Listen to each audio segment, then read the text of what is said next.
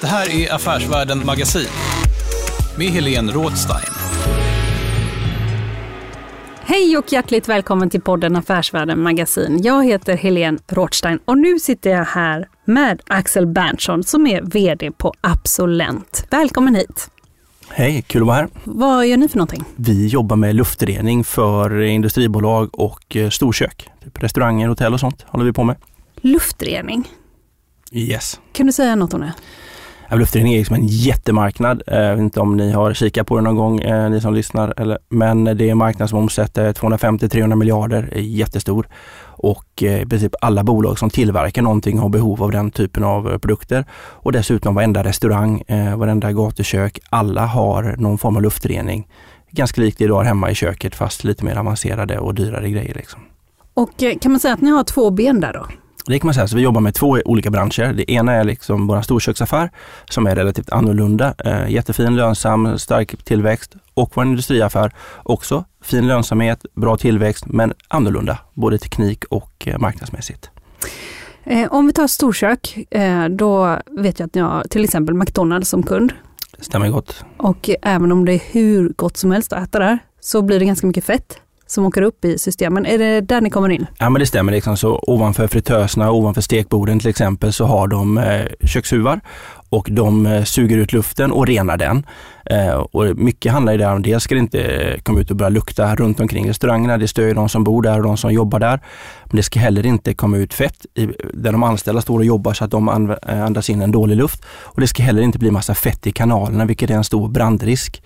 Och där är egentligen det stora business caset för en sån som McDonalds och använder oss som har en väldigt fin teknik som, som eh, renar mycket tidigt i, i flödet hos dem.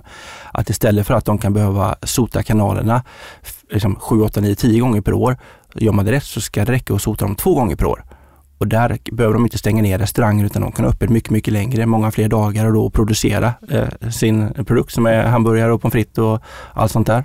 Och det tjänar vi mycket mer pengar på helt enkelt. För vad gör ni mer konkret då med fettet som sugs upp? Vad, vad är det som händer? Alltså det, det som händer är att fettet går in i en form av filter och filtret sen släpper ifrån sig det här fettet så det rinner ut så du kan samla upp det och skicka det på deponi. I ett ställe som liksom i McDonalds fall så återvinner de inte det fettet själva och återanvänder det i fritösen. Det får de inte eh, för det är inte så fräscht utan det går på deponi och så eh, skapas det energi utav det sen eh, någonstans. Eh, på industrisidan är det lite annorlunda. Där återvinner man det tillbaks in i maskinen och så blir det en process som kommer igen och igen och igen och igen. Så de sparar ju också väldigt mycket pengar på att de inte slösar bort den här oljan. Och då är det storköksdelen. Hur stor andel är den delen utav hela er affär? Den är 20-25 procent eh, ungefär utav helheten. Och sånt här. Mm. Och förutom McDonalds, kan du nämna några andra kunder? Som vi, vi jobbar egentligen med stort och smått. Så du har liksom de riktigt high-end restaurangerna som liksom Franzéns eh, gör vi luftreningen åt. Och sedan så har vi alla stora kedjor i princip. Liksom McDonalds, Burger King, Max, eh, alla de här jobbar vi med här, här uppe och vi håller nu på att ta den affären. Vi är ganska vi är tydligt marknadsledare i, i Sverige och Finland och i Holland och vi håller på att liksom ta oss ut och expandera den där ute i världen. Och en del av den strategin är att följa med de här liksom globala QSR-kedjorna som det kallas, Quick Service Restaurants då, McDonalds, Burger King och de här. Så det jobbar vi ganska hårt på att bygga kontakter med dem globalt och arbeta in så de testar våra produkter. Nu håller de på att testa i England och sen får de testa i land efter land efter land och hoppas vi kommer åt hela den här globala marknaden och Sverige är ju ingenting egentligen där eh, i deras värld.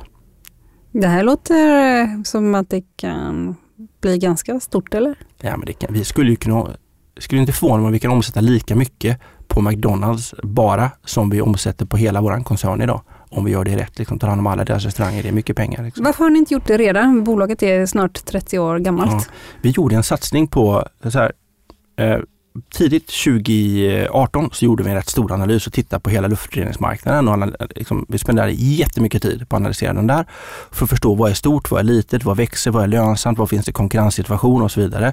Utifrån den analysen så sa vi okej, okay, det finns fem eh, viktiga områden vi ska in på och sen en sjätte också. Och där hade vi fem som var inom våra normala industribusiness om man säger så. så ja, men sen finns den här storköken den är jätteattraktiv.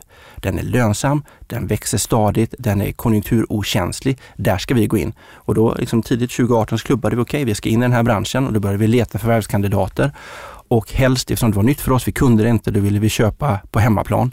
Och då köpte vi upp två bolag i Sverige, eh, Geven och Interzon, som var, Geven var nummer ett på liksom, luftrening och hade då de här eh, eh, som med större lösningar. Och sen köpte vi Interzon som är väldigt spännande, för de hade jättebra kontakter med, med McDonalds, Burger King och den här typen av bolag då. Och vilket år var det här då? Det var 2019. Ja, ja. Och sen har vi börjat liksom jobb, jaga på det här nu och börja bygga. Det tar lite tid att få rätt kontakter med rätt personer och få dem att börja testa och expandera. Eh, och vi har ju sålt lösningar nu i Frankrike och i England och det, det tar sig. För ni kan ju inte heller vara ensamma. Eh, Vi ska komma in på den andra Mm. industridelen Ja, snart, ja. men jag blir lite fixerad vid detta. För ni Mm. kan ju inte vara ensamma heller och hålla på med att, om man säger rena, liksom deras, eh, vad kallar man alltså rena deras luft Ja, men deras föroreningar, kommer det, från deras, det är ja. egentligen en produktionsprocess de har och det kommer Ja, det luftföroreningar från den. Även Ja. om de producerar då rätter istället Ja. för att de producerar metallbitar så är det ju liksom Mm. produktion kan vi kalla det. Mm, ja, ni, ni kan ju inte vara ensamma om att göra det. Det måste ju renas på flera olika sätt ute i världen. Så att inom samma kedja då så möter ni på, eh, stöter på Ja. era konkurrenter. Jag tror, men så här, det finns många konkurrenter och det är liksom en jättefragmenterad marknad generellt. Både på kökssidan och på industrisidan finns det liksom tusentals bolag som jobbar med det här. Mm. Eh, våran liksom edge idag är att vi har bäst teknik. Så vi har liksom bäst separationsgrad, alltså hur mycket man filtrerar och hur lång livslängd du får. Där är vi nummer ett, eh, både på kökssidan och på industrisidan. Eh, så det vinner vi mycket på, så vi har en fördel i det och sen kan vi expandera via den fördelen. Kan man säga. Vad heter konkurrenterna då? Det finns eh, massa olika. Men på storkökssidan så är i Norden mest ett bolag som heter Halton som vi, och Climicon och lite andra så som vi konkurrerar med. Och om vi då går till, kan man säga fabrikssidan? Ja, eller? kan man säga. Eh, Mycket eh, fabriker. Ja, mycket Mm. fabriker är ni inne i. Vad är det som är den stora skillnaden där? Eh, Den stora skillnaden är att det är ofta större luftflöden totalt i en industri. Det är mycket större lokaler. Om du liksom, eh, liksom försöker tänka på hur det liksom ser ut i ett gjuteri för Volvo och så jämför det med en restaurang så är det mycket, mycket, mycket större. Och dessutom ofta mycket andra typer av partiklar som blandas. I ett kök är det mycket mer eh, lika kan man säga. Men praktiskt sett så är det liksom partiklar ungefär samma storlekar och de beter sig rätt lika faktiskt. Så man kan använda teknik från ena sidan för att hjälpa den andra. Eh, sådär. Eh, v- och när du säger de beter sig lika de här Mm. partiklarna, kan, kan du säga något? För du är ingenjör i Jag botten. är ingenjör, precis. Från Chalmers. Ja, japp, Ja, bra ställe. ja, det är bra ställe. Ja. Eh, Och du kommer från västkusten? Ja, det stämmer. Jag är från Uddevalla från början. Ja. Eh, Men kan du säga något om de här partiklarna? Mm. Liksom, om du kan, eh, det kan Mm. vara hur eh, detaljerat som helst. Mm. Först så skiljer man två saker. Man skiljer på torra partiklar och blöta partiklar. Torra partiklar behöver man en typ av teknik för att, att fånga upp och blöta en annan. För blöta rinner och de kladdar eh, på ett annat sätt. Kö köks. Köken till exempel Ja. är ju blöta oftast för de är olja i dem och det är det också på en stor del av industrisidan. Det, det, det vi är bäst på är egentligen blöta partiklar. Eh, och de är liksom lika i storlek. De, de rinner, eh, man säger så, deras eh, viskositet då, liksom hur, eh, hur lätt de rinner är ganska lika. Vilket gör att de också i ett filter beter sig lika. Det handlar om liksom storleken på, på partiklarna. Eh, och det är ju liksom från att vara små som ett virus eh, liksom pytte, pytte, pytte små grejer till att vara lite större som kanske skärningen på, på ett hårstrå eller något sånt där då kan man säga. Så väldigt små grejer vi pratar om här. Och då är det storleken som är viktigt. Det är hur många partiklar det är av varje storleksgrad och sen också hur väl de då dränerar i ett filter. För, för att få ett filter att hålla länge så vill du att det självdränerar. Så de kommer in, partiklarna, och sen rinner de ut igen. Fast på ett kontrollerat sätt och hamnar där du vill att de ska hamna. Du vill ju verkligen inte att de fastnar där. Nej, det är kass. det- det- Fastna i kass. fastnar i kass. Och det är lite där ni kommer in Ja. också och se till så att det inte fastnar någonting. Utan allt ska liksom vara i rörelse tills man inte ska ha det, eh, slagget eller Exakt, avfallet längre. det ska tillbaks igen liksom, Ja. på, på ett annat Ja. sätt. Så att du får en, mycket business case för kunden ligger här som vi pratade förut. då, En, en McDonalds de behöver inte eh, skrapa ur fettet ur sina kanaler utan det är det, du fångar det redan i liksom, filtret från början. Eh, och går du på industrisidan så vill de inte ha all den oljan ut i, i fabriken. Dels blir det kladdigt och det är farligt för att det blir halt på golven och du får eh, kortslutningar i elskåp och människorna andas in det här och blir sjuka och mår dåligt. Men samtidigt tjänar de mycket pengar på den oljan är dyr. Det kan kosta liksom hundratals eller tusentals kronor per liter. Så när den då liksom rinner tillbaks in i en maskin igen så är det liksom pengar som droppar in. Varje droppe är ju värd kronor liksom. Och det gör att de kan betala av en investering här. Vissa kunder redan efter ett halvår är det betalt bara på oljan eh, som de sparar. Hur mycket sålde ni för förra året? Förra året sålde vi för en dryg miljard gjorde vi. Varför är ni inte större? En bra fråga. Ja, på riktigt. Varför är ni inte större? Så har ni, är produkterna inte tillräckligt bra? Har ni inte tillräckligt bra säljare? Det här måste ju vara, är, är konkurrensen för hård? Vad är din analys? Bra fråga. Vi har ju vuxit stadigt. Vi har ju vuxit med liksom 20% per år hela tiden. Liksom. Stadig tillväxt år efter år efter år efter år efter år med bra lönsamhet. Och på sätt och vis kan man tycka att liksom ambitionerna vi har också hämmar kanske våran tillväxt. Vi skulle kunna satsa mycket mer på tillväxt om vi valde att inte vara lönsamma. Men då tar vi också mycket risk i bolaget. Om vi inte har liksom ett solitt kassaflöde, om vi inte har en bra lönsamhet, så fort det kommer en lågkonjunktur så har du ju jättepanik. Vi gick igenom hela, hela covid där vi liksom stundtals tappade 60, 70, 80 procent av orderingången. Eh, men fortfarande med svarta siffror, positiva kassaflöden och liksom supersolitt bolag med relativt låg skuldsättningsgrad. Så det är liksom en, en avvägning med hur mycket risk vi vill ta och hur mycket tillväxt och lönsamhet vi vill ha i det där. Och marginal, vad snackar vi för marginaler här då? Vi har en ebitda på lite mer än 20 procent, eh, så relativt lönsamt. Och eh, hur ser det ut på köksdelen, hur ser det ut på köksdelen kontra industridelen där? Över tid är de ganska lika. Sista kvartalet var kökssidan något lägre och industrisidan lite högre, men över tid är de ungefär samma. Liksom. De är rejält lönsamma bägge två. Eh, de är lite, lite olika profil. Det som vi ville åt på kökssidan, förutom att marknaden är väldigt, väldigt stor, är att den är stabil i en lågkonjunktur så går fort, folk, folk äter fortfarande, restaurangerna tuggar och går fortfarande. Framförallt de här stora kedjorna eh, går inte det nästan någonting i, i omsättning och de fortsätter investera och tugga på medan det på industrisidan är mer volatilt och vi vill ju sprida riskerna över de här. Kan du nämna några kunder på industrisidan? På industrisidan vi jobbar med många olika typer av kunder. Du har liksom, tar svenska kunder så jobbar vi med eh, Volvo, vi jobbar med Scania, vi jobbar med eh, de här Astra, eh, vi jobbar med Dentsply som gör eh, implantat. Egentligen nästan alla större industribolag är våra kunder. Eh, går vi utomlands jobbar vi mycket med flygbolagen, liksom Boeing, Airbus är ganska stora kunder. Eh, klocktillverkarna, de mest exklusiva har vi, flera utav dem i vårt liksom, kund, kundsegment. Så det är en relativt stor spridning. De flesta som tillverkar alltså någonting. Alltså deras fabriker då? När deras de fabriker, gör ja eh, exakt. Klockorna. Ja. Ofta är det då liksom i, i, i bearbetningsprocessen. Jag vet inte om du någon gång tittat på, på en, ett mekaniskt ur, men det är liksom hundratals små, små, små metallpryttlar inne i den där. Liksom. Alla de maskinbearbetas, så det är ganska likt. Om du, om du tänker på, du hade säkert träslöjd någon gång när du var liten och gick i skolan. Yes. Då eh, fick man väl välja om man vill göra en ljusstake eller liksom ett basebollträ i den där svarven. Liksom. Ljusstake? Ja, ljusstake, kanon. och, eh, ja, då sätter man upp ett stycke trä i en svarv och så roterar den fort och så tog, tog du en metallpinne och körde in i den för att forma den här metall, eller, eh, träpinnen ja. till eh, en ljusstake. Liksom. Mm. Och egentligen är det samma sak som sker i de här maskinerna. Du sätter upp en metallbit och så roterar den fort och så stoppar du in ett skär då från Sandvik eller någon av de andra tillverkarna av det. Och, och så kör du det skäret in emot metallbiten när metallbiten snurrar. Alternativt att skäret snurrar som en borr då, men skitsamma, det är samma sak.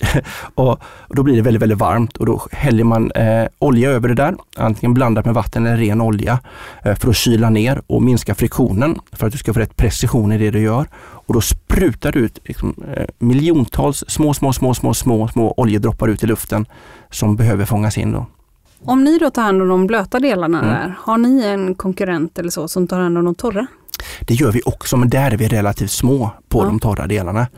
Mm. Det finns eh, andra bolag som gör det där. Störst är väl Donaldson Filtration, ett amerikanskt noterat bolag. Eh, ganska stora på det. Det finns ett svenskt bolag som heter Nederman som också noterat. De gör också mm. konkurrerar med oss på vissa delar. Ni har förvärvat väldigt många bolag. Nu har det varit lite lugnare va? Ja, är, vi köper några per år liksom och mm. vi är inte egentligen ingen compounder på det sättet att vi liksom köper massor av bolag.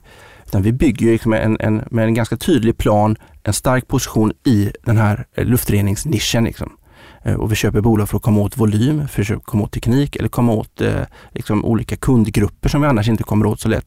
Som till exempel då de här stora globala restaurangkedjorna ville vi komma åt och då fick vi köpa bolag som har en existerande relation med dem från början. Eh, och det är, det är mer det fokuset egentligen än att vi har, vi kan köpa dem på en låg multipel och själva en högre multipel och så blir det en bra affär. Det är egentligen inte vår affärsmodell utan vi ska bli nummer ett i världen på industriell luftrening. Eh, köper man då också patent? Ibland eh, får vi patent på, olika saker och ibland är de jättevärdefulla. Eh, och ibland så är det mer att du kan hota någon konkurrent som försöker kopiera med att upp, upp, upp, vi har ett patent här. Men de flesta patent kan du gå runt om du vill. Det är inte, för oss, det, stor, det stora fördelen egentligen, vi skyddar inte vår affär så mycket med patent utan vi skyddar den med kunskap. Eh, jag tror det vi är jätteduktiga på är applikationskunskap. Vad jag menar med det är att det är rätt stor skillnad om någon då svarvar den här ljusstaken i titan mot aluminium eh, till exempel. Titan är jättehårt, du kör det i höga hastigheter, det blir jättemycket små partiklar som beter sig på ett sätt. Gör du det i aluminium så har du oftast lägre hastigheter, du har en annan typ av, av sköljolja på det eller den här liksom, eh, kyloljan på. Eh, och då blir det andra partiklar som beter sig på ett annat sätt. Och för att då välja rätt filter till den här kunden för att hjälpa den på bästa sätt, då kommer applikationskunskapen in. Och det där är våra killar och tjejer jätteduktiga på. Att marknaden är så fragmenterad Ja. när detta är ett problem som alla Mm. som producerar har. Kan man tänka sig att det här, hela marknaden kommer konsolideras? Det tror jag. Jag kan inte se en, egentligen någon annan väg. Den är ju konsoliderad liksom delvis i steget bakom. Om man tänker på alla de här småttingarna som tillverkar filterburkar och säljer till någon. De köper ofta själva filtreringstekniken av någon. Och i det ledet, alltså ett steg bakom, är det relativt konsoliderat. Där finns det många stora spelare. Eh, för där kräver det volym att göra det. Att svetsa en plåtburk kräver inte så mycket egentligen. Du kan göra det i liten skala. Eh, men det finns ju givetvis jättefördelar av att industrialisera det här. Och det är en jättestor del av vad vi håller på med som bolag, är att bygga förutsättningarna för att kunna industrialisera. Vilket gör att vi lägger relativt mycket tid och pengar på att utveckla en teknikplattform. Eh, tänk bilar liksom. Eh, tänk Volkswagen-koncernen som delar plattformen mellan flera varumärken, mellan flera bilmodeller för att kunna få en skalfördel, för att kunna producera dem på, på, på samma sätt. Vi gör egentligen samma jobb idag mellan våra dotterbolag för att skapa den här modulära arkitekturen som alla kan använda så att du får en skalfördel trots att du har många småbolag. Och vi vill inte bli ett bolag som slår ihop alla de här och blir en vi gillar det här att vi har decentraliserad struktur. Bolagen bestämmer själva, de är entreprenörsdrivna, de har liksom bra, bra hastighet i sig. Så därför bygger vi en kultur där man liksom samarbetar kring de här projekten. Vi tar personer från de olika bolagen och så gör vi det ihop. Det här. Och så får alla fördelen sen. Och du behöver inte vara med om du inte vill, det är okej. Okay. Men hittills så vill alla vara med. De tycker det är spännande att samarbeta och hjälpas åt och liksom lägga alla hjärnorna i en korg för att komma på det, smartaste sättet att göra det på. Så än så länge så, så blir det väldigt, väldigt positivt att få ihop våra bolag som vi har köpt också på det sättet. Vad siktar ni mot just nu? Tänker du omsättning eller? Ja, eh, omsättning och marknaden tänkte jag Mm. också sådär. Liksom, om, om du skulle få som du vill och ni är ju ett gäng som bestämmer Mm. med styrelse och allting. ja, men exakt, men men en liksom vart är vi på väg? Sådär. Nej, Eller- jag, jag tänker så här, vi, vi kommer bygga ett bolag som är supersolitt, liksom, hög lönsamhet, hög tillväxt och är extremt duktiga industriellt. Och när vi liksom tagit oss dit, då är det dags att köpa lite större bitar. Då, när vi har den kunskapen, då kan vi köpa upp större bolag. Vi skulle ta Nederman, vi kanske köper Nederman en dag, liksom. de är mycket större än vad vi eller eh, Kamfer, bolag i Stockholm som är också jättestora. Sen- är de fyra miljarder kanske? Ja, eller fem något? kanske, något sånt Fem, i den ja. storleksordningen. Liksom. Ja. Och sen så har vi ja, fyra, fem och sen så har vi Campus som omsätter 10 kanske. Det finns ett antal av de här som vore jätteintressanta eh, potentiellt att köpa upp. Men vi måste själva vara redo först.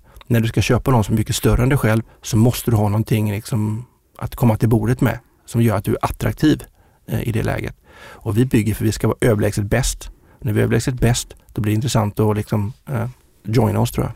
Mm, Okej, så det är lite det. Jag tänkte på ägarbilden är ganska Mm. speciell. Det är Körling-familjen, de äger över hälften. Stämmer. Ja, och eh, sen kan du säga mer om ägare. Vi har också, den våra näst största ägare har ju varit med sedan bolaget grundades, Joakim West. Så han har ju varit här sedan liksom, tidigt 90-tal, när, eh, var det 93 eller något, när, när bolaget grundades. Liksom, så han är ju kvar och har en bra stabilitet och bra kunskap om, om historien och branschen som han för med sig.